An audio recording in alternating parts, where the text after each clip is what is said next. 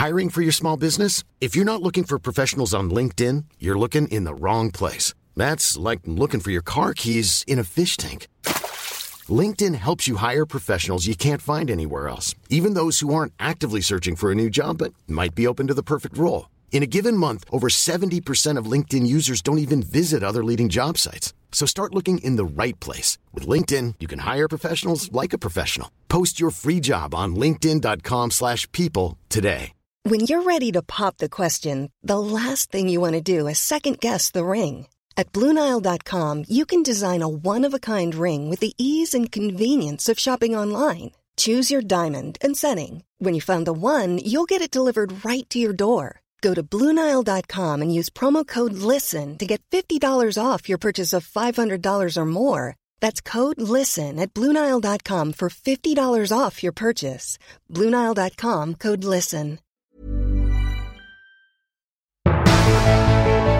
Porsgrunns store sønn Torbjørn Røe Isaksen skal bli redaktør. Hva skjer? Hvorfor vil han det? Det lurer jeg på denne uka.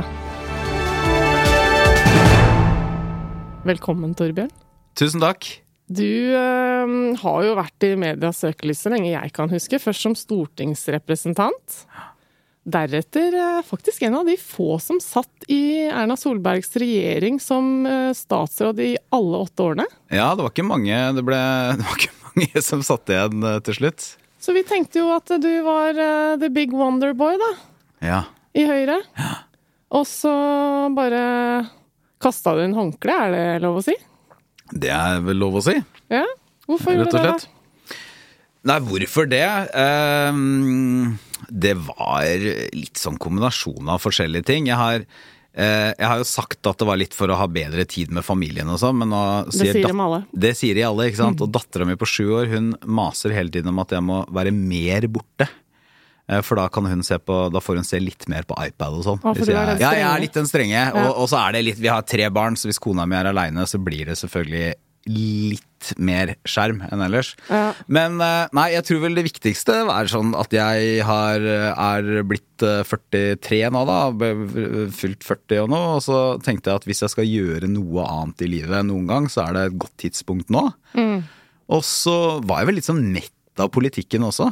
Ja. Jeg vet ikke om eh, Det er sikkert mange som kjenner igjen den følelsen sånn fra sitt eget liv, at da, da jeg starta i politikken, så var jeg veldig, var liksom veldig sulten. Mm. Eh, og jeg har alltid vært, eh, i og for seg alltid prøvd å være sulten, men, men den derre overgangen fra å slåss for å komme på Dagsnytt 18 eller et debattprogram til å tenke litt sånn ah, nå skulle jeg egentlig midt i middagstida. Ja. Må jeg liksom opp på Dagsnytt 18 nå?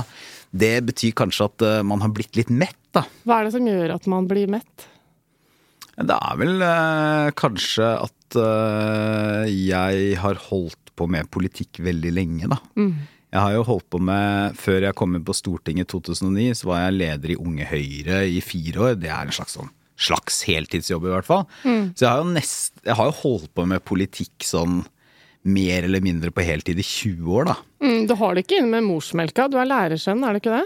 Jo, jo, jeg er det. Uh, og nei, jeg er ikke vokst opp med noe Jeg er ikke vokst opp sånn uh, som Jens Stoltenberg. Nå er det ikke så mange som er oppvokst med sånn plutselig sitter Kofi Annan der ved frokostbordet, men jeg er ikke vokst opp i en sånn familie hvor alltid var det store politiske diskusjoner og, og sånt. Rundt middagsbordet, sånn som man ja, rundt middagsbordet. Nei, det kan ikke jeg huske noe særlig. Altså sånn en normalt en normalt samfunnsengasjert familie. altså sånn ja. Se på valgsendingen, og de stemmer, men uh, ikke noe mer enn det. Nei. Ellers, da? Hvordan var oppveksten din? Den var, eh, den var uh, veldig normal. Ja. er det lov å si det? Altså, det jeg, tror det er liksom tre, jeg, tror jeg har en sånn teori om at det er tre måter å vokse opp på i Norge. Du kan vokse opp i stor by. Og så kan du vokse opp på bygda, det har kona mi gjort. Og så kan du vokse opp i en, et mellomstor by, tettsted. Og da er det, om du da vokser opp i Bodø eller Hønefoss eller Porsgrunn, er liksom litt det samme. Sånn, et borettslag, vi bodde i rekkehus, noen bodde i blokk, noen bodde i enebolig. Eh, det var ikke noe spesielt sånn dramatisk jeg kan huske. Det var en veldig fin oppvekst. Ja. Likte det. Så du har ikke kommet hit for å snakke ut om den vonde tida?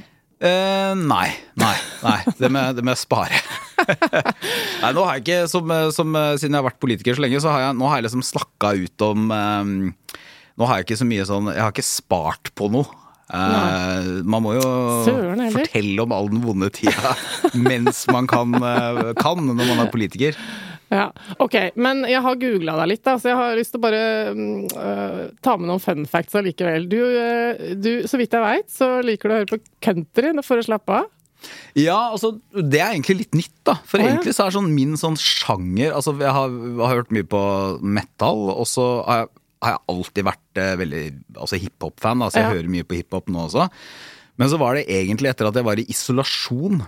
Eh, Koronaisolasjon. Mm. Aleine i leiligheten i Oslo.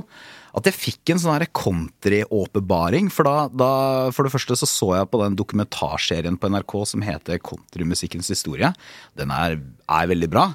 Og så begynte jeg å høre på mye sånn eh, gammal grinecountry. Altså sånn nå har, eh, nå har det vært ulykke i gruven, og pappa kommer ikke tilbake lenger, ja. hva skal vi ordentlig gjøre? country, Eller liksom. kjæresten min har, kona mi har dratt, eller du kom hjem full, og ja, altså alle de tingene der. Og det traff meg veldig da jeg sto der aleine i isolasjon.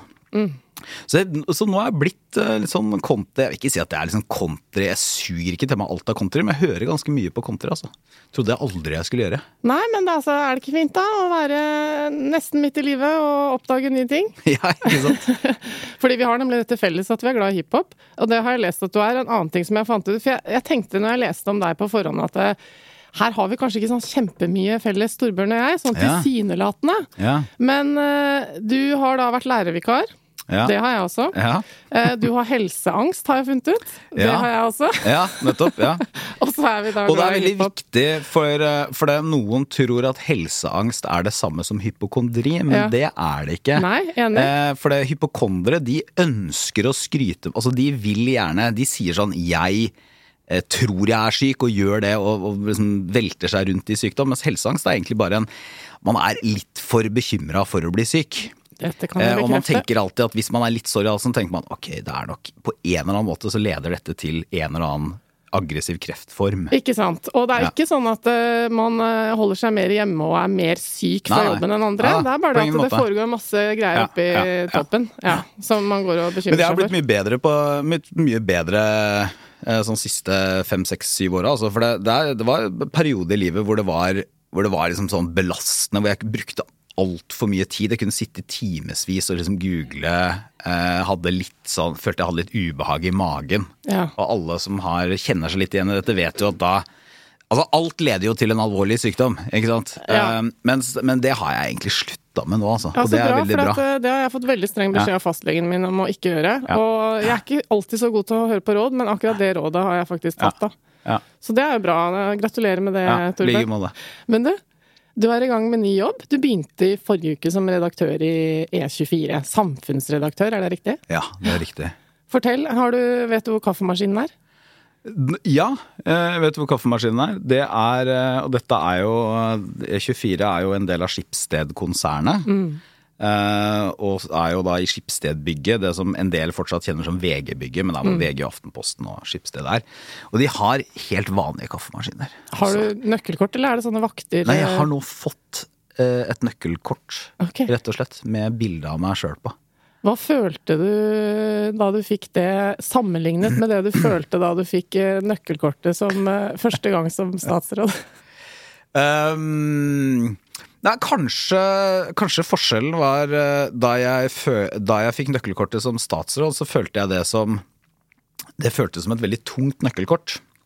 Eh, mens det å få dette nøkkelkortet føltes litt mer frigjørende, rett og slett. Hva, Eh, og så er det jo litt, hva det er jo litt forskjell da. Man får nøkkelkortet som statsråd, da er det der pressen er til stede, og man får det overrakt, og det er en seremoni og sånn. Nå fikk jeg det av Securitas-vakten. Ikke sant? Så det, det var ikke noe fanfare. Så du har fått nøkkelkort, du vet hvor kaffemaskinen er. Men uh, dette har jo også skjedd fordi du takka nei til å være stortingsrepresentant og fortsette i politikken eh, med en eh, ja, tilsynelatende lysende karriere i Høyre foran deg. I hvert fall var det mange som mente det. Mm. Fortell litt om hva som fikk deg til den avgjørelsen. Um, jeg tror Altså, det, det, det, det kanskje mest relevante å si først, da, eh, det er, å, det er at det jeg ikke eh, Altså, Jeg, har, eh, jeg blir ikke dårlig behandlet på noen som helst måte, snarere tvert imot. Jeg har, fikk, har fått ekstremt mange muligheter av, av Høyre og vært veldig takknemlig for det. Eh, og heller ikke noe sånn, hatt noen sånn politisk store skifter. Så det er ikke sånn at jeg plutselig har endret mening om mange ting. eller noe sånt. Så det er rett og slett en sånn personlig hvor er jeg i livet, hva er det jeg har lyst til å gjøre. Um, og, og det er jo en litt, sånn, det er en litt spesiell situasjon uh, som flere og flere kommer opp i nå, rett og slett fordi at det blir flere og flere som kommer inn i politikken på heltid i ung alder. Altså Det blir flere broilere, eh, som man sier litt sånn nedlatende, da, i politikken. Men det betyr jo også at det er ganske mange som i en alder av 40 da, plutselig har holdt på med politi sittet på Stortinget i tolv år.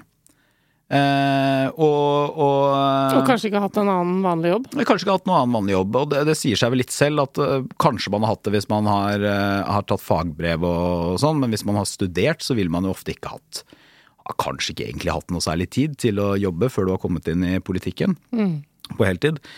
Og det, det, og det, det er vel Jeg, syns det er bra også at man øh, Altså, politikk er Eh, politikk skal, er jo egentlig ikke et livskall. Altså For noen så vil det være det, de vil sitte på Stortinget eller være heltidspolitikere hele livet. Men eh, egentlig burde jo politikken være mye mer sånn at folk kan holde på litt med politikk, kanskje prøve å komme på Stortinget, så gjøre noe annet. Eh, flere, som, eh, flere som har gjort noe annet, burde prøve seg i politikken. Altså Jeg skulle gjerne sett mange flere sånn 50-åringer eller eh, 60-åringer som tenkte at ok, nå har jeg jobbet som eh, sykepleier eller bibliotekar eller aksjemegler eller forretningsadvokat, men nå har jeg lyst til å gjøre mitt for, eh, for samfunnet. Gjør litt samfunnstjeneste, ikke et kommunestyre eller politikken eller noe sånt. Det der er jeg så enig i. Og så blir det litt problematisert gjennom den debatten eh, om svingdøra eh, mellom politikk og andre ting. Kanskje spesielt mellom politikk og media, da, Ja. eller politikk og PR. Ja, det er vel særlig PR da, som eh, vel er eh, og, det, og det mener jeg Jeg mener at det er en viktig debatt å ha. Eh, I den forstand at eh, kommunikasjonsbyråene jobber jo Altså De jobber jo med politisk påvirkning, mange av dem. Eh, også politisk påvirkning, i hvert fall. Ja, det er Eh, del... viktig at du sier mange av dem. Jeg bare ja, understreker Det det. er riktig. Det, er altså, mange, ma, øh, det er nok en mye mindre del av jobben enn det mange tror også, men øh, øh, så, så det er viktig at man har Altså man hele tiden har Prøver å søke åpenhet og, og problematiserer og sånn, men, men enten det er kommunikasjonsbransjen eller andre, så er det viktig, at, viktig å huske at f.eks. karantenelovgivningen da, som vi har, som jeg nå sitter og Jeg har fått saksforbud en periode fra karantenenemnda. Ja, jeg må Men- bare få si en ting. Det var så deilig å høre ordet karantene brukt i en annen Ja, sammenheng. ikke sant? Ja, ikke koronakarantene. Ja. Men i, i karantenelovgivningen så ligger det, ligger det i, til grunn for den ligger at det er ønskelig og bra at politikere kan ta med seg sin erfaring også over i offentlig sektor, private bedrifter eller eh, organisasjonsliv. Ja. Så det er ønsket. Fordi eh, Karantenenemnda har da kommet frem til at eh, overgangen inn til E24, hvor du nå akkurat har begynt å jobbe, kan være egnet til å svekke tilliten til forvaltningen, skriver de. Eh, Hvis ikke det følger med et saksforbud på seks måneder som du nå har fått, og som er klaget inn, da. Ja. Eh, Men forklar, hva er det Karantenenemnda driver med? Altså, Karantenenemnda er et, eh, et offentlig organ da, som, skal, eh, som skal sikre at politikere og i og for seg ansatte i statsforvaltningen ikke tar med seg informasjon, kunnskap, konkrete ting over til bedrifter eller andre som på den måten får et urimelig fortrinn. Så ikke sant, Et typisk eksempel er sånn Eh, hvis, eh, hvis departementet som jeg har ledet, eh, jobber med en, et stort anbud, eh, verdt million, kanskje milliarder av kroner, og jeg har veldig detaljert kunnskap om det arbeidet, Ja, noen som skal levere noen tjenester. Og så Mm. går jeg rett over i et selskap som eh, kommer til å legge inn anbud på det. Det kan være problematisk. Det er et sånn klassisk eksempel. Ja. Så problemet med det saksforbudet som jeg har hatt, det er at det, det, det, er, veldig, det er ikke begrunnet i noe særlig grad, annet enn da at de mener det er, egnet til å svekke tilliten til forvaltningen. Um, og så har det noen ekstra dimensjoner ved seg, fordi at jeg skal jo ikke inn i Altså, jeg skal ikke inn og altså jeg skal ikke inn i en rolle hvor jeg selger mine tjenester til en, eh, en enkelt bedrift Mm. eh, i lukkede fora. Min jobb skal jo være å delta i samfunnsdebatten åpent. Mm. Um, så, så, så det er en av grunnene til at, eh, til at jeg har bedt dem om å vurdere dette på ny. da. De tre statsmaktene i Norge de kontrollerer jo hverandre, som jo er en fin Mm. ting. Og så blir jo pressen, som du nå skal inn i, og for så vidt har vært en del av før, det kan vi snakke om etterpå, Mm. um, de kontrollerer seg selv, egentlig, i Norge. Altså, det er et selvdømmeorgan som jeg jo har sittet i og kjenner godt til, Pressens faglige utvalg, eh, som egentlig skal bedømme hvorvidt pressen gjør jobben sin, i hvert fall etisk. Eh, og den er jo forvaltet av pressen selv. Hva tenker du om det, da? Jeg mener at det er en, eh, er en eh, kjempefordel. Mm. Og det er også veldig vanskelig å se for seg hva alternativet skulle være. Men nå er det viktig å huske Det er ikke så vanskelig, for det, i mange andre land så, så er det ganske tydelig. Det er politikerne som bestemmer. Ja, altså, men det, det er jo i, i land med forhåndssensur og autoritære Absolutt. regimer og sånn. Ja. Hvis du ser på hvis du ser på land som har en fri presse, altså demokratiske, liberaldemokratiske samfunn, Mm. så er det litt vanskelig å se for seg hva alternativene skulle være. Men det er også fordi at det er ikke, det er jo ikke sånn at pressens selvdømmeordning gjør jo ikke at pressen er lovløs. Altså det er, det er fortsatt re rettsregler som også gjelder for pressen. Eh, altså pressen kan, eh, du, du kan, pressen kan bli dømt, de kan være injurierende. Eh, men det, det pressens faglige utvalg sikrer, er jo nettopp at pressen håndhever en selvjustis og noen etiske normer for hvordan pressen skal eh, jobbe og være. Som, eh, som etter min mening sikrer en bedre beskyttelse enn hvis hver eneste avis skulle gjort dette selv. Eh, og alternativet hadde jo ikke vært at altså Det hadde vært veldig vanskelig å sette for deg at du skulle hatt et offentlig organ som dømte i Altså, dette er jo ikke lovregulert. Vi, vi, vi ønsker ikke heller at alle disse tingene skal være detaljert regulert i lov. Så at du kunne erstatte det med et offentlig organ, det ville vært nesten helt utenkelig, tror jeg. Nei, altså En ting som jeg selv har tenkt, er jo at uh, det hviler veldig mye ansvar på alle som representerer pressen, altså journalister og redaktører. Fordi det er ganske mange ting som vi egentlig bare blir bedt om å stole på at de gjør sånn som de skal gjøre. Fordi f.eks. ingen kan komme inn i en redaksjon og kreve å få utlevert eh, kildemateriale, den type ting. Uh, upublisert materiale heller ikke. Uh, og på samme måte så må også vi stole på at du gjør gode vurderinger. Så, ikke sant? så hvis du var en idiot, så kunne jo du sikkert klart å misbruke din kjennskap til intriger i Høyre til å skrive noe finurlig som kanskje ingen skjønner at eh, Ikke sant. Så den tilliten må vi i så fall bare ha til deg, tenker jeg. Og det syns jeg er litt interessant. Ja. Men den um, Jeg er enig i det at, øh, at norske redaksjoner forvalter jo en, forvalter jo en stor makt. Øhm, absolutt. Um, men, men, men jeg er ikke helt Og jeg er enig også at man at, at mye av dette hviler på en tillit. Eh, og det er jo for øvrig en tillit som enhver redaksjon må være veldig opptatt av. da. Fordi at hvis den tilliten blir brutt, så, så er jo i hvert fall Altså Ikke bare er det et gigantisk prestisjetap, men tanken er jo også at da er det vanskelig å opprettholde sin eh, leserskare som troverdig nyhetskilde på sikt. Mm. Hvis folk egentlig ikke stoler på det som står der. Eh, Du kan kanskje bli en klikkvinner, men du blir ikke, en, eh, du blir ikke et redaksjonelt produkt. Nei. Men det er jo ikke det, er ikke det, der, det at man eh, må ha en viss sånn minstemål av tillit, er jo ikke noe unikt for pressen. Altså, sånn er det jo også i, i politikken. Altså man må, I bunn og grunn så må man stole på at eh, at i det store og det hele så forsøker ikke folk å svindle, lure, eh, snike, Nei. gjøre alle disse tingene. Der har vi hatt en liten runde nå de siste månedene med pendlerboliger osv. Som har Absolutt, og det er jo grunnen til, at, grunnen til at det også slår inn mer enn bare for de enkelte representantene som rammes av det, er jo fordi at det, det svekker, eller risikerer å svekke nettopp da tilliten til folkevalgte og Stortinget som organ. da. Men, men, eh, men jeg kjenner jo altså, I politikken også, så er det jo, og som statsråd, så er det jo veldig i aller høyeste grad sånn at veldig mye er basert på at at man ikke er Francis uh, Urquhart. Eh, han heter vel noe annet i den amerikanske, men man ikke er House of Cards, da. Eh, det er ikke sånn man opererer. Nei. Det er- var jo ikke noe bra for uh, tilliten til uh, politikere, kanskje spesielt amerikansk politikk, å se den serien House of Cards. Nei. Det var det jo ikke.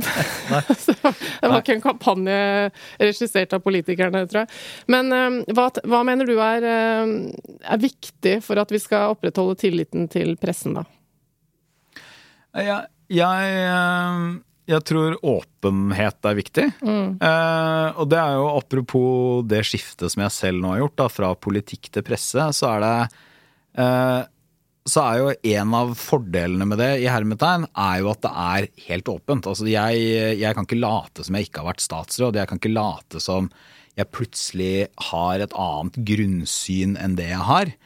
Eh, Så den åpenheten, det er, det er helt avgjørende. Um, og så, og så mener jeg også at det å, det å ta leserne sine alvorlig, det, det er et viktig poeng. Det betyr ikke at man skal snakke folk etter munnen, eller at eh, alt et flertall mener til enhver tid er riktig. Det er det ikke. Men det å ta alvorlig bekymringer og um, eh, synspunkter som eh, folk har, det mener jeg også er er viktig for at pressen skal, hvis du har en ambisjon om at du skal, det skal være en publikasjon som i hvert fall relativt bredt tverrsnitt av befolkninga kan lese, så, så kan du ikke liksom hele tiden snakke ned til leserne dine. Nei, det Jeg har eh, følt litt på det i noen år. Jeg syns jeg se, har sett en tendens til at eh, redaktører og pressefolk, eh, når de diskuterer sitt eget virke og hva de har gjort i konkrete saker, så, så er det veldig sånn Ja, men dette Altså, kjære deg. Dette kan vi. Det, det er sånn vi gjør det. Eh, har du hva, Hvordan opplever du eh, Altså, jeg, jeg har også opplevd mange Altså, jeg har opplevd, også opplevd rigide redaksjoner og sånn, men som, som politiker så, jeg, så har jeg alltid hatt et veldig godt forhold til pressen sånn i sum. Og, og jeg tror at det er en Altså, det er en sånn gjensidig mytologisering mellom politikk og presse. Altså Pressen tror at politikken er mer kynisk og mindre menneskelig enn den egentlig er. Og det er også fordi det er eh, det er, litt, det er litt mer spennende å lage historier hvis man tenker at folk bare er eh, kyniske maktmaskiner, enn hvis de er fulle hele mennesker som blir slitne og lei seg og påvirket og sånn. Men så er det også en tanke i politikken om at nettopp pressen er da mye mer kynisk og eh, hard og tøff enn den egentlig er. Så mitt, min erfaring er at de fleste norske redaksjoner er Det er både mulig å snakke med journalister, det er mulig å få et godt profesjonelt forhold til dem. eh, Det er mulig å få en forståelse for, eh, for liksom det nødvendige arbeidsforholdet mellom eh, de som er kilder og de som er journalister. Um, og så tror jeg jo, sånn sett utenfra, så har det jo Så syns jeg det er blitt mye bedre de siste 10-15 årene, også når det gjelder eh, mediekritikk. Eh, og et, i hvert fall et visst mangfold, da. Så jeg tror jo pressen har, pressen har, har lært noe, dette vet kanskje du mer om enn meg, men jeg, mitt inntrykk er at pressen har lært noe av eh, Tønne-saken, eh, Gerd Liv Valla-saken, eh, Giske-sakene eh, nå i det siste. De har nok, eh, det er mitt inntrykk også, at eh, de har blitt veldig bevisst på dette her. Og at de er i utgangspunktet positive til eh, mediekritikk. Men så er de ikke alltid kanskje så gode når det kommer til stykket, når det gjelder dem selv. De er veldig glad i å, å diskutere dette på et sånt overordna mm, plan. Men så syns jeg fortsatt jeg ser litt spor av at det, er litt vanskelig å ta kritikk, sånn som det er for alle mennesker, egentlig. da. Ja, for det er jo ikke noe nytt at vi liker Nei. alle bedre å kritisere er andre enn eh, oss Men, selv. men det vi diskuterer mye med pressefolk i denne podkasten, er jo eh, at eh, noen av pressens representanter mener at det blir for selvopptatt og navlebeskuende å bedrive presseetikk i pressens spalter. At de opplever at det liksom blir Vi skal snakke om oss sjæl og sånn. Jeg personlig er jo ikke enig i det, for min teori er at eh, jo mer eh, leserne opplever at eh, de er villige til å diskutere, desto mer tillit får man. Det er min hypotese, da. Men, eh, men hvordan har du opplevd som politiker når du har vært i mediene hele tiden? Hvis du kommer med kritikk eller påpeker noe sånn, føler du at du har blitt hørt, eller? Er, spesielt kanskje når det er i en storm, da. Altså når det er noe som pågår. Ja, nå, men nå er sånne pressestormer eh, Altså, det er det, det er vanskelig, ikke sant? Så, Ja. så Men det Og da jeg har vel egentlig bare vært i én sånn eh, tilnærmet storm, og det var eh, da jeg deltok på seminaret til Nicolai Tangen Mm. eh, i etterkant av det. Eh, og det var, det var vanskelig og sånn, og det, det er jo eh, også fordi at jeg så jo at eh, Altså, jeg mente fortsatt eh, mente at det var riktig å ha deltatt, men jeg hadde gjort noen ting som jeg Ja, for du hadde vært ja. der med på dette famøse seminaret i USA. Ja, det er blitt det famøse seminaret nå. Ja. Eh, og så hadde jeg det var det noe en med del sånn betaling av billetter og sånn, var det det? Nei, det var det ikke for min del, eh, egentlig. For her hadde departementet betalt eh, Ja, de hadde betalt hotell og fly og alt Ja. sånn som vanlig er, da. Eh, men det var mer at det var Det var eksempel ikke på den offisielle kalenderen min. Ja. Ikke sant? Um, eh, det var ikke Det burde vært oppgitt i Stortingets register. Mm. Ikke som en gave, men man skal oppgi når man er på utenlandsting. Altså det var en del sånne ting. Og så var det jo Og så var det et seminar som også var altså jeg var veldig, det, Dette ble jo liksom håndtert i embetsverket på, på vanlig måte som en vanlig reise, men det var et seminar hvor det var Noen var der som private venner, noen var der i offisiell kapasitet, og det gjorde det litt uklart. da. Men, men uansett, i en sånn situasjon så kan det være Eh, og jeg skjønner veldig, så kan Det være, det er veldig frustrerende og det kan være vanskelig for de som står midt i den. Uh, og Man skal ha ekstrem respekt for de som da ikke har erfaring med pressen fra før. Uh, og det er eh, Mange har sikkert, eller i hvert fall mange lyttere av den podkasten, har sikkert lest VGs evaluering av eh, Giske-saken, altså siste Bar Vulkan-saken internt. Veldig interessant lesing for alle som er opptatt av presse, og veldig bra for øvrig også at man er åpen og offentlige om den type ting. Så, så jeg, mitt inntrykk er at det er en, det er en diskusjon som, uh, som er ganske levende, og, og som blir det også fordi at det er så mange, det er så mange andre arenaer nå. Før, hvis du var sur på Aftenposten før, så måtte du skrive et leseinnlegg i Aftenposten, og så kunne redaktøren si nei. Nå kan du skrive en, en Facebook-post, du Ja. kan skrive på Medier24, du kan eh, sende en kronikk poeng. til et annet sted. Det er mye Ja. som har skjedd. Men eh, bare det, det du sier om at mange har sikkert lest eh, VGs evaluering, jeg tror det er kjernen av problemet. At det tror jeg ikke så mange har. Eh, så jeg tror at eh, for at det skal bli kjent for offentligheten hvor selvransakende en redaksjon som VG har vært i, i en sånn sak, så må det også ut i spaltene. For at jeg tror det er å overvurdere folk. At de går inn og laster ned en lang rapport på 40 sider. Altså, du driver med sånt fordi det har vært jobben din i mange år, men de aller fleste trenger å få det kurert, holdt jeg på å si. Kuratert eh, gjennom litt enklere fremstillinger, da, tror jeg. Ja, det kan godt eh, det, det, Ja, det er nok riktig. Nå, nå husker ikke jeg liksom akkurat hvordan VG presenterte dette og sånn, men, men, men det er jo en type uh, altså Det er en type åpenhet som jeg ikke kan huske å ha sett i norsk presse for 10-15 år siden, i hvert fall. Um, og så er, den- og så er det jo en interessant sak også fordi at det er da er, eh, Hvis man sier at det er to parter i denne saken, det er da Trond Giske som åpenbart både er og var en medievant eh, og durkdreven politiker. Eh, men så var det jo også en part eh, som, som på ingen måte hadde medieerfaring i det hele tatt. Eh, og det er eh, Såkalt urutinert kilde. ikke sant? Men apropos, apropos kommunikasjonsbyråene, eh, som vi snakket om i stad. Så er jo, jeg, syns noen ganger de blir omtalt litt for sånn lemfeldig av folk som er på innsiden av denne medier- og politikkbobla i Oslo.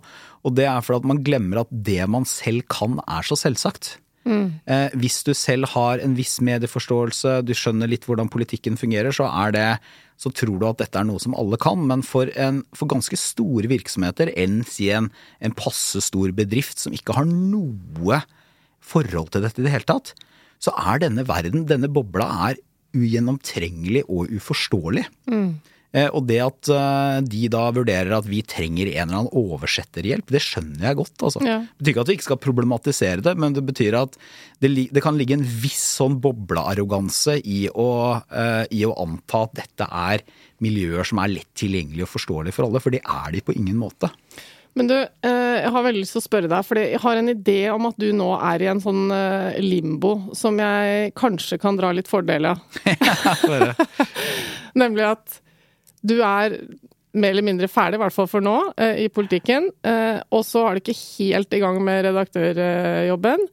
Kanskje du da er litt mer frittalende enn en det jeg opplever at politikere kan være, for det må være så politisk korrekt. Og det som jeg opplever at redaktører fort blir, nemlig sånn litt generelle og Ja. svarer også litt sånn korrekt ofte. Eh, Men eh, jeg er så utrolig nysgjerrig på hvordan det føles eh, som offentlig eh, politiker, da. Eh, når det kommer til sånn innsyn i alt du driver med. Loggføring av all kommunikasjon du har. Eh, hvis jeg f.eks. ville diskutere eller spørre deg om noe som jeg skulle sørge for at ikke du måtte loggføre noe sted, så opplever jeg at det eneste jeg kan gjøre, er å ringe deg. Den delen av livet som toppolitiker er det utrolig godt å slippe. Eh, og jeg er for at alle disse reglene skal være her. Men det betyr sånne ting som for eksempel ehm, eh, Altså, jeg har som statsråd i korona eksempel, så tenkte jeg alltid fem ganger gjennom Gjør jeg nå det helt riktige? Ikke sant? Eh, og det betyr Jeg er ikke sånn som eh, Det betyr ikke sånn at jeg går inn og hoster på alle i butikken uten munnbind. Altså, det er ikke det, men det er sånn du tenker hele tiden Gjør jeg nå det riktige? Eh, jeg skal eh, Med bo boligsak har jeg nå gjort dette her helt riktig. Eh, jeg skulle ha noen til å male huset mitt i Porsgrunn for noen år siden. Ok, gjør jeg det helt riktig? Um, og det, det, er helt, det, det er bra at man skal tenke sånn, men det er, det er slitsomt selv om man ikke gjør noe galt. Og det er ikke for at det, det, Jeg sier ikke det fordi det er synd på norske politikere, på noen som helst måte, men, men det er Jeg tror det er en viss sånn eh, jeg, tror, jeg tror man rett og slett må forstå at stemningen i det sentrale politiske miljøet i Norge har vært ganske dyster siden 2017. Det betyr ikke at det har vært dårlig stemning sånn i hvert enkelt parti nødvendigvis, men siden 2017 så har vi hatt, vi har hatt metoo-saken, vi har hatt eh, eh, som jo rammet nesten alle partier, eller som kom, ble viktige, store saker i alle partier. Uh, vi har hatt eh, vi har hatt korona, vi har hatt reiseregninger, vi har hatt eh, etterlønnssaker. Det har vært stortingsleiligheter og pendlerleiligheter. Stortingspresidenten måtte gå av. Og for de som er i den sentrale politikken, så er det jo ikke sånn at de at det er sånn Oi, nå er det jubel i opposisjonspartiene fordi Arbeiderpartiets stortingspresident måtte gå av. Altså, dette legger en demper på hele stemningen, og det gjør at du får en litt sånn litt paranoid stemning i den sentrale politikken, som, Ja. som jeg tror er slitsom for veldig mange Ja. toppolitikere. Om- Og igjen, det betyr, og det er veldig viktig å si, det betyr ikke at pressen skal la være å avsløre det som åpenbart er feil og misbruk, men når man skal liksom lese politikken, så må man skjønne, tror jeg f.eks. at når Hadia Tajik gikk ut og sa at hun vurderte om hun skulle trekke seg i Eller om hun orket å holde på med politikk i 2017-2018. Så, jeg, så sier folk da jo, men hæ, det er jo rart, hun kommer veldig godt ut av denne konflikten med Trond Giske. Men tenk så slitsomt det er, ikke sant. Du må, eh, Hvis man ikke skjønner at det står et menneske der også som eh, sikkert får en del skryt, men også får kjeft, i en ekstremt slitsom situasjon, som man ikke nødvendigvis eh, ønsker for resten av livet sitt. Det som du forteller, at du går rundt og tenker på gjør jeg det riktige nå? Ja, nå er jeg ikke, nå tenker jeg ikke Nei, har gjort det, da. Endelig kan du slippe. Nei, nei, Nei, jeg men- følger, følger reglene, men nå er jeg ikke sånn monomant opptatt av. Men Men det er nettopp det. For at det, eh, det, det som er grunnen til at dere må tenke sånn, er jo pressen. Og det kan jeg bli litt sånn småsur av tanken på. At pressen skal være sånn Skal drive og liksom forstyrre eh, det daglige livet til masse folk, og de skal hele tiden tenke hvordan skal dette se ut? Eh, hvis det kommer på forsiden av VG, som er en sånn eh, tanke som jeg har hatt hengende over meg i alle år, egentlig. Bare du venner deg til den der 'hvordan ser alt jeg gjør ut på forsiden av VG'. Ja. Eh, og det er jo på en måte ikke noe bra, men så slår det meg også at det, gjør jo da, da er, Pressen bidrar jo kanskje da til at eh, politikerne blir mer moralske, da. Eller altså Jo, men jeg, jeg, jeg, jeg tror Altså den uh, VG-testen, som er et sånn etablert okay. begrep, selvfølgelig er den også disiplinerende. Men er, ikke sant? er det ekte at- da? Eller Nei, men, men, men poenget er at det er ikke Det det er ehm, Jo, men altså, det er ekte i den forstand at det tvinger deg som offentlig person, og særlig politiker, da, som jeg er en særstilling, til å tenke også Ok, dette er teknisk sett er dette kanskje innenfor regelverket, men, men tar det seg ut? Kan jeg stå for dette hvis jeg blir spurt om det? Kan jeg forsvare dette valget og si at ja, dette mener jeg var riktig? Mm. og uh, ikke bare er det i henhold til regelverket, men uh, jeg mener også at det var eh, riktig å gjøre det sånn. Eh, men, eh, men så, så, så, så der eh, og, og norsk presse er ikke med altså vi er, Norsk presse er mye snillere i hermetegn med politikerne enn i mange andre land. altså folk kan ha Man avslører ikke politikeres elskerinner eller elskere eller den type ting, for eksempel, som er vanlig i en del vanligvis ikke, i hvert fall? Nei. Nei, vanligvis ikke. Ja. Men, men, men, så mitt poeng er egentlig ikke at det er Jeg mener ikke at det er galt, og det viser jo også det at pressen nå har gått politikken etter sømmene, viser jo at man har hatt på Stortinget ordninger som, hvor det har vært for uklar oppfølging, uklart regelverk, strid mellom forskjellige regelverk etc. Så mitt poeng er bare at eh, hvis man skal lese stemningen i den sentrale politikken, så må man også skjønne at dette er slitsomt for menneskene oppi der. Eh, og at det påvirker, det påvirker også alle de som ikke har havnet i Eller ikke har gjort noe gærent med pendlerbolig, men alle de sitter også og tenker sånn Ok, jeg må sjekke dette en gang til. Går og gnager litt på det. Eller i hvert fall mange kan gjøre det. Da.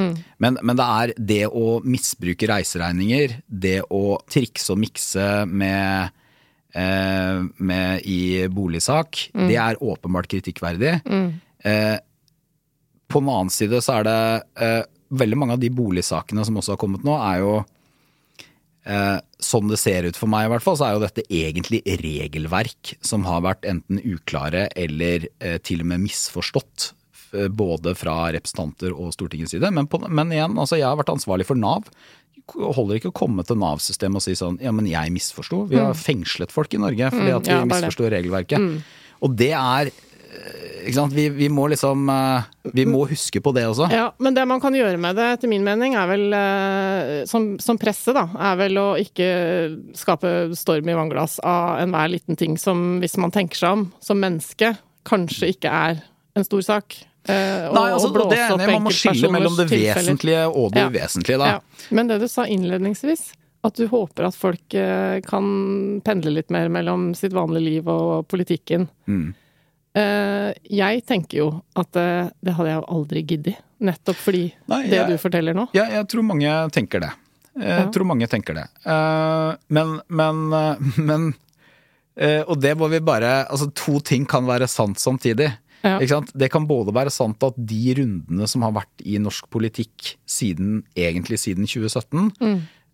de tror jeg har gjort at både rekruttering, det å få nye folk inn i politikken, kanskje kan ha blitt dårligere. Mm. Men på den annen side så er det like sant at man kunne ikke latt være å sette metoo på dagsorden, eller latt være å sette et kritisk søkelys på reiseregningspraksisen på Stortinget, eller eh, statsråder som tar med seg mobiltelefoner til autoritære regimer fordi at det er det skaper, skaper et ubehag. Nei, men ikke sant. Nå, øh, jeg er øh, også i midten av livet mitt, da. Og hvis jeg hadde blitt spurt om jeg ville ta et eller annet politisk verv et sted, så er jo det første jeg tenker sånn Ok, da må jeg tråle meg gjennom livet mitt da, og tenke over hvilke potensielle Har jeg hatt svart vaskehjelp øh, i 20-åra? Har Eller altså Ja, alt mulig. Og så vil jo 99% av øh, Norges befolkning da finne et eller annet som sikkert ikke tar seg ut på forsiden av VG, og så tenker de nei. Da orker jeg ikke. Men der tror jeg også åpenhet er, åpenhet er viktig. Altså, for at det, er, det, er noe, det er en veldig dyp innsikt i dette engelske uttrykket med 'it's not the crime, it's the cover-up'. Ja. Og det eh, Altså, alle har gjort alle har gjort feil. Nesten alle har gjort et eller annet som er ulovlig. Om det er liksom å urinere på offentlig sted, eller drikke øl i park, eller ha en svart vaskehjelp. Som man for øvrig ikke burde ha, da. Eller hadde eh, seg med noen som som ikke man ikke burde for altså, mange år ikke siden. sant? Men, men, eh, og det er ikke alt, selvfølgelig kan man ikke Alt kan man ikke være åpen om, men, altså, men no, veldig mye av dette kan man hvis man er åpen og ærlig. Mm. Eh, så, så er det går det helt greit? Ja, fordi jeg føler det blir litt sånn, vi har barn begge to, at jeg tenker sånn Hvis jeg har eh, ambisjoner på vegne av sønnen min, så, så føles det som at jeg nå må begynne, når han er 13, og indoktrinere han med sånn 'tenk på alt du gjør, for du vet ikke hvor du skal i livet'. Ja. Ikke gjør noen ting feil hvis du har lyst til å? At, at det blir en sånn derre Prøve å skape perfekte Men vi er jo ikke personer. Amerika da, Eva. Så det er jo, det er jo fortsatt ikke sånn da at At ehm, At vi liksom graver i hva en politiker gjorde for 30 år siden. Nei, det er I hvert fall ikke i veldig stor det, grad. Nei. Men det er litt altså Jeg husker eh, Jens Stoltenberg ble spurt en gang i tida om han hadde røyka hasj, eksempel. Mm. Ikke sant? Så det er jo eh, og, og, og, og jeg husker at jeg, da jeg ble nestleder i Unge Høyre eh, Da var jeg jo ikke så veldig gammel da, men da tenkte jeg sånn Ok, nå har jeg fått en offentlig rolle. Eh, Så det er liksom noen ting som jeg må For eksempel eh, røyking av ulovlige substanser. Har du sånn- røyka hasj? Jeg, jeg har uh, røyka hasj, ja. Det, men, men, men det er da Det tok slutt den dagen jeg fikk et eh, fremtredende verv. Det var veldig det var aldri noe for meg, må jeg innrømme. Nei, nei. Eh, så det var ikke, det var ikke noen sånn storforbruker på noe som helst måte. Nei. Men du, du Eh, tør å, å innrømme det. Ja, jeg vet ikke om jeg har sagt det før. Jeg har sagt at det er ikke noe relevant. Og, Kanskje jeg fikk overskriften din nå?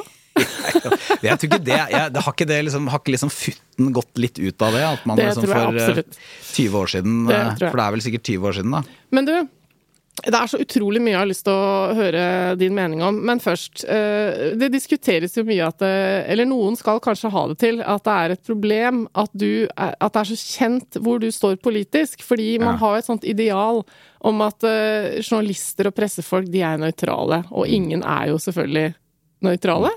Eh, Så personlig så mener jo jeg kanskje at det, for meg er det lettere å forholde seg til at jeg vet hvor du kommer fra, enn at eh, du kommer fra et eller annet sted som du ikke kan dele.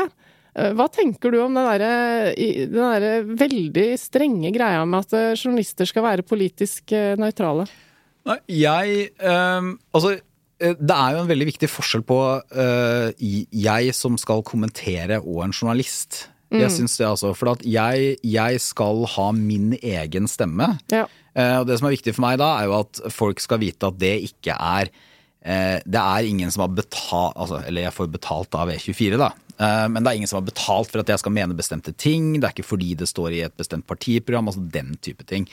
Mens en journalist skal jo rapportere saker. Eh, og det, det, er noe, det er noe litt annet. Men jeg, jeg er veldig sterk tilhenger av at norske redaksjoner og aviser både skal knytte til seg sterke meningsstemmer som har ideologiske ståsteder. Det er kjedelig hvis de bare reproduserer et partiprogram, altså det, det er ikke så interessant, men som har klare ideologiske ståsteder.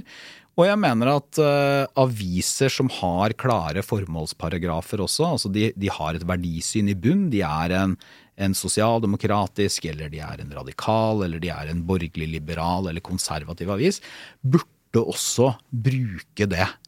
Det, det, det, det. De formålsparagrafene er ikke der for, eh, for tøys, de er der fordi at også avisene har en viktig stemme inn i den offentlige debatten.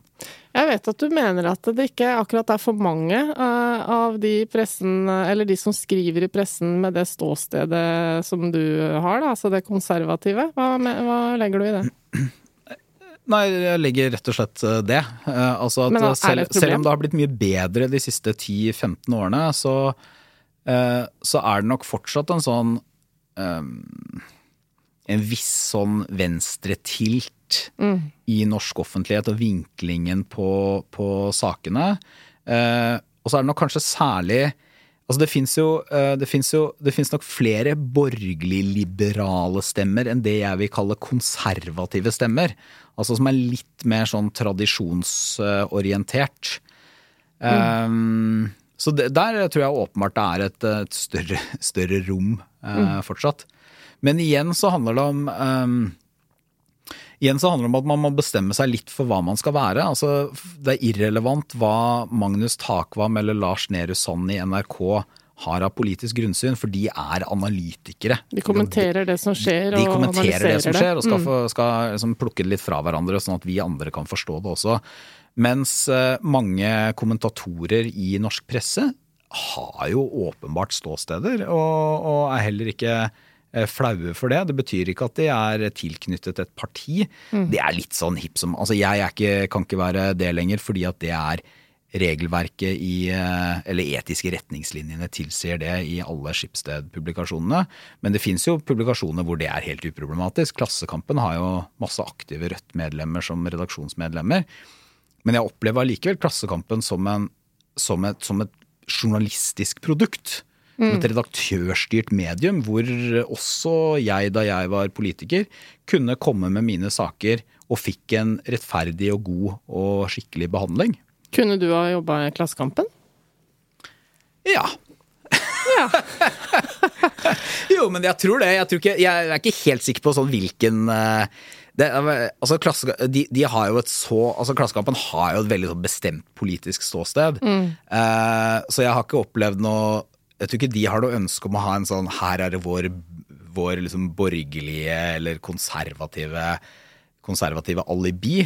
Men jeg hadde ikke hatt noe imot det. Men forutsetningen er jo igjen, altså som kommentator, at jeg da kunne eh, ment eh, det jeg mener, eh, og hatt mine egne analyser. Eh, og i og for seg som journalist også viktig at man kan der også er at man kan forfølge det man som journalist mener er viktig. At det ikke legges begrensninger ut fra ideologiske hensyn.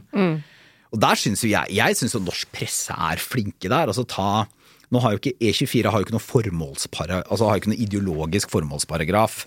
Eh, men det er ikke noe tvil om at finanspressen i Norge, næringslivspressen i Norge, er jo også de som er desidert best på å være avdekke kritiske forhold i norsk næringsliv. ja. Det var jo ikke sjokkerende at du skulle dit. eh, Det hadde vært mer sjokkerende hvis du skulle til Klassekampen, da. Ja, det sånn hadde vært hadde det hakket mer mer- sjokkerende, kanskje. Så jeg, har ikke, har ikke, jeg eier en aksje i Klassekampen, eh, faktisk. Å, Sånn for- det? Ja da, Så jeg har all interesse av å snakke opp aksjeverdien. Ja, det er, det er bra du er åpen om det. jeg er åpen om, åpen om dette. Ja. Men um, altså, jeg tror kanskje mange syns det er litt vanskelig å se for seg hvordan din jobb Fortell hvordan du nå hvordan din jobb blir. Hvordan skal du Ja. Det, det folk skal se ut av, det er jo at jeg kommenterer. Eh, og da er det kommentarer i skjæringspunktet næringsliv, samfunn, politikk. Eh, og det vil nok bli et litt sånn spekter. Noen ganger vil jeg forsøke å kanskje analysere og forklare, andre ganger vil jeg kanskje mene, mene mer. Eh, og så har jeg veldig lyst til å ha også gode kildebaserte kommentarer. Altså, det betyr at jeg tror det er begrenset interesse for at jeg bare setter meg ned og synser eh, på ukentlig basis. Jeg tror noe av poenget må være at jeg også klarer å, å fange inn eh, kompliserte sammenhenger, eh, tegne opp eh, strekene mellom de forskjellige prikkene og tegne et større bilde. Eh, ikke bare skriver eh, lesebrev om det jeg ønsker. Lesebrev er kjempebra, altså, men det er ikke det, er ikke det en kommentator skal gjøre. Og så har jeg jo da, eh, og så, skal jeg, så det er det synlige, og så får jeg da lov å være en del av ledergruppen og sånt i E24, som gjør at jeg også får en mulighet til å bli kjent med mediebransjen som bransje. Eh, og det er viktig. Og selvfølgelig de redaksjonelle vurderingene som gjøres og sånn. Ja, fordi eh, tittelen redaktør er jo også en ledertittel. Altså, Når du er samfunnsredaktør, bestemmer du også Altså tar du redaksjonelle Jeg har- avgjørelser på ting andre leverer? Eh, altså, nei, ikke foreløpig. Eh, og jeg har heller ikke noe eh, personalansvar Eh, nå. Så deilig, å slippe å Ja, være sjef. ja, ja, ja. Nei, men jeg kunne, kunne godt tenke meg det litt etter hvert. Men, det, men først må jeg liksom komme meg i gang med det jeg skal gjøre nå, så får vi se hvor, hvor dette bærer, da. Medievaner, da? Er det, det plinger jo ikke på telefonen din, og det gjør det ikke på min heller. Så Nei, hvordan er det- det du blir eksponert for, eh, for nyhetsrelatert stoff og kommentarer? sånn? Jeg leser, er så gammeldags at jeg leser papiraviser på morgenen. ja. Eh, Så da leser jeg Aftenposten og Klassekampen og DN, og så går jeg til E24, selvfølgelig. Eh, Og Financial Times. Føler jeg du har blitt litt sånn flink til å Ja, ja, legge ja, inn men sånn det, dette kan jeg. Budskap kan jeg. Budskapsdisiplin, det kan jeg. Og så er jeg litt sånn eh, Financial Times, New York Times og BBC pleier jeg å prøve å være innom, men det rekker jeg aldri, for da er det matpakker og unger og sånn. Og så altså er jeg, ikke, jeg er ikke så opptatt av det derre å få vite akkurat hva som skjer akkurat nå. Nei. eh, på at jeg må vite det nå og ikke om sju minutter, så jeg har veldig få sånne plingvarsler og sånn Så du og jeg er mer like enn jeg trodde før vi Jeg kom inn her. mye heller ha Jeg vil mye heller ha litt mer sånn bakgrunn og analyser. Ikke sant. Sånn at jeg skjønner det som skjer. Og det holder at du får det på slutten av dagen. Trenger ikke å ha det Holder løpende. å få det på slutten av dagen. Det holder til og med noen ganger å få det en gang i uka. Så som alle andre så, som har en ambisjon om å kunne delta i dannet samtale, Mm. så abonnerer jeg på Economist, da. Ok. Det er et veldig smart tidsskrift, for da kan man, hvis noen spør da sånn, ja, løfter situasjonen i Sudan, Ja. eksempel, så kan man alltid uh, Men ikke sant, si nå det. kan jo du, for de aller fleste tar seg ikke tid til akkurat det, men nå kan jo du holde deg oppdatert, og så kan du skrive med- med det du er god på, nemlig å gjøre dette forståelig for folk, Ja. med din eh, nettpå stil og tone. Så kan vi heller lese deg.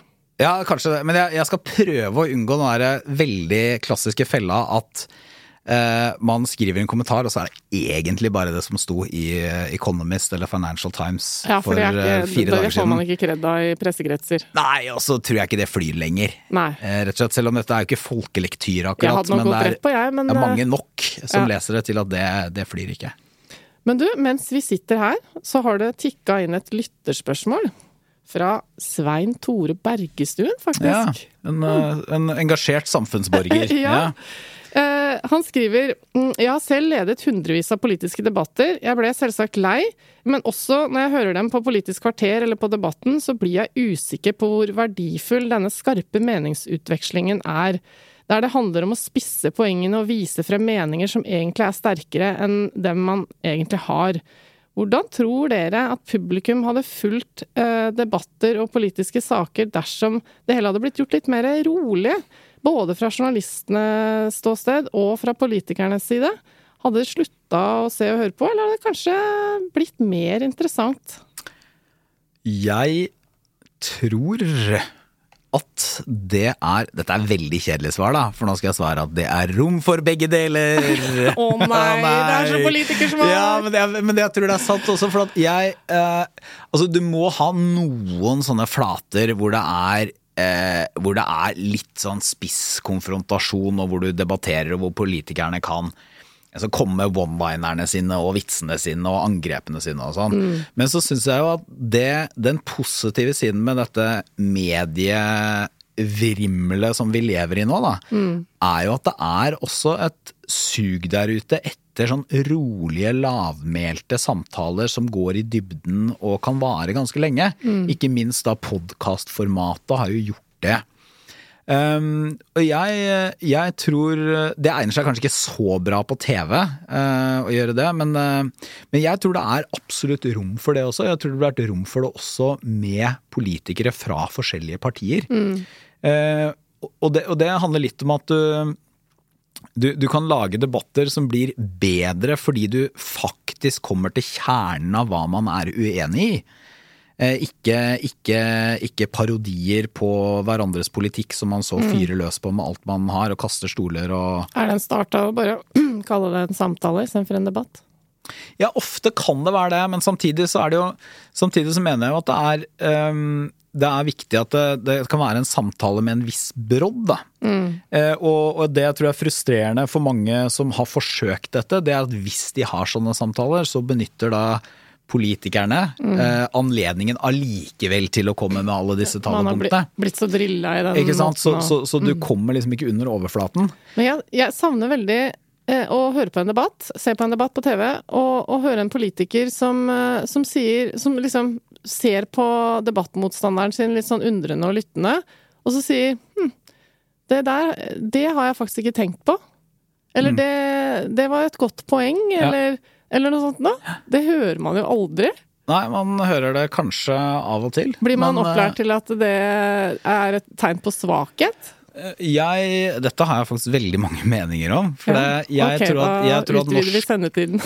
Ja, men norsk eh, Jeg tror mye no, Noe av den politiske retorikken henger litt igjen eh, fra gamle dager. Så eh, For eh, sånn 15-20 år siden så var det veldig populært dette med budskaps, altså budskapskontroll. Ja. Ikke sant? I den forstand at sånn, eh, du har tre saker, og de sakene skal du alltid komme tilbake til.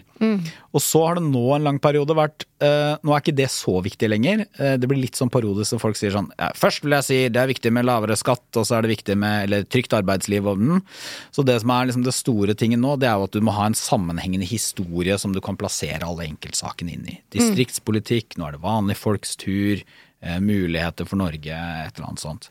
Um, men jeg tror det bygger troverdighet eh, at man av og til også er litt mer lyttende, eh, sier at akkurat det fikk vi ikke helt til, der er jeg enig med deg. Og så, eh, så hvis, man, hvis man ikke mener det, men bare har lyst til å være et kynisk asshole, så burde man allikevel eh, forsøke å i litt flere anledninger debattere og snakke sammen på den måten. Kan journalisten eller debattlederen bidra, da? Ja, du kan det, men, men problemet er jo ofte at eh, i de flatene man har, enten er det sånn eh, Altså, noen har jo som oppskrift at de skal konfrontere. Eh, Fredrik Solvang og Debatten de skal stille maktpersoner eh, overfor konsekvensene konsekvensen av politikken deres på en vanskelig måte. Ja. Eh, Men Partilederdebattene er det så mange, og, Ja. og Politisk kvarter er bare et kvarter. Eh, Så jeg tror at hvis du skulle fått til det, så måtte du hatt eh, måtte du hatt et format som var sånn eh, litt sånn som disse britiske og amerikanske eh, søndagsprogrammene, hvor det er du har en time og du har et panel, eh, og tonen er rolig. Og det er i og for seg kanskje en debatt, men det er en debatt som foregår på litt andre ja, med, med, litt annet toneleie, da. Ja, nå er amerikansk politikk for tiden et dårlig eksempel, men eh, jeg tror du Det skjønner er hva jeg mener. Absolutt. Jeg skjønner hva du mener. Jeg, jeg tror mange vil Jeg tror at det er eh, et rom for det. Ja. Og det er for at jeg blir, så, eh, blir sjokkert over sjokk, Deeply shocked eh, over eh, hvor mange sånne lavmælte formater som faktisk kan få en del, ganske mange lyttere. Eh, og det også, handler også om at vi hører på ting på en annen måte enn før. Det er, du orker ikke nødvendigvis skrik og scroll hvis du skal ha på podkast en time mens du bretter tøy. Ja, men eh, da er vi enige om det òg, Torbjørn. Eh, og dette spørsmålet for deg som eventuelt er ny lytter, det kommer fra Svein Tore Bergstuen, som er min medprogramleder. Han har jo da permisjon denne måneden, og jeg skal innrømme at han eh, er dypt savnet. Jeg savner ham. Det tror jeg kanskje dere lytterne gjør også. Så hold ut. Han er tilbake om to uker, og neste uke har jeg en veldig spennende gjest til dere også. Og med det så sier jeg takk for nå. Tusen takk til Lyder Produksjoner, som produserer denne podkasten. Og tusen takk til Atle Andersen, som hjelper til litt med research. Tusen takk til Simon, vår kjære klipper. Og tusen takk til Torbjørn Røe Isaksen, som tok seg fri fra den eh, respektfulle redaktørgjerningen og kom hit til studio eh, for å snakke med oss. Bare hyggelig. Ha det bra.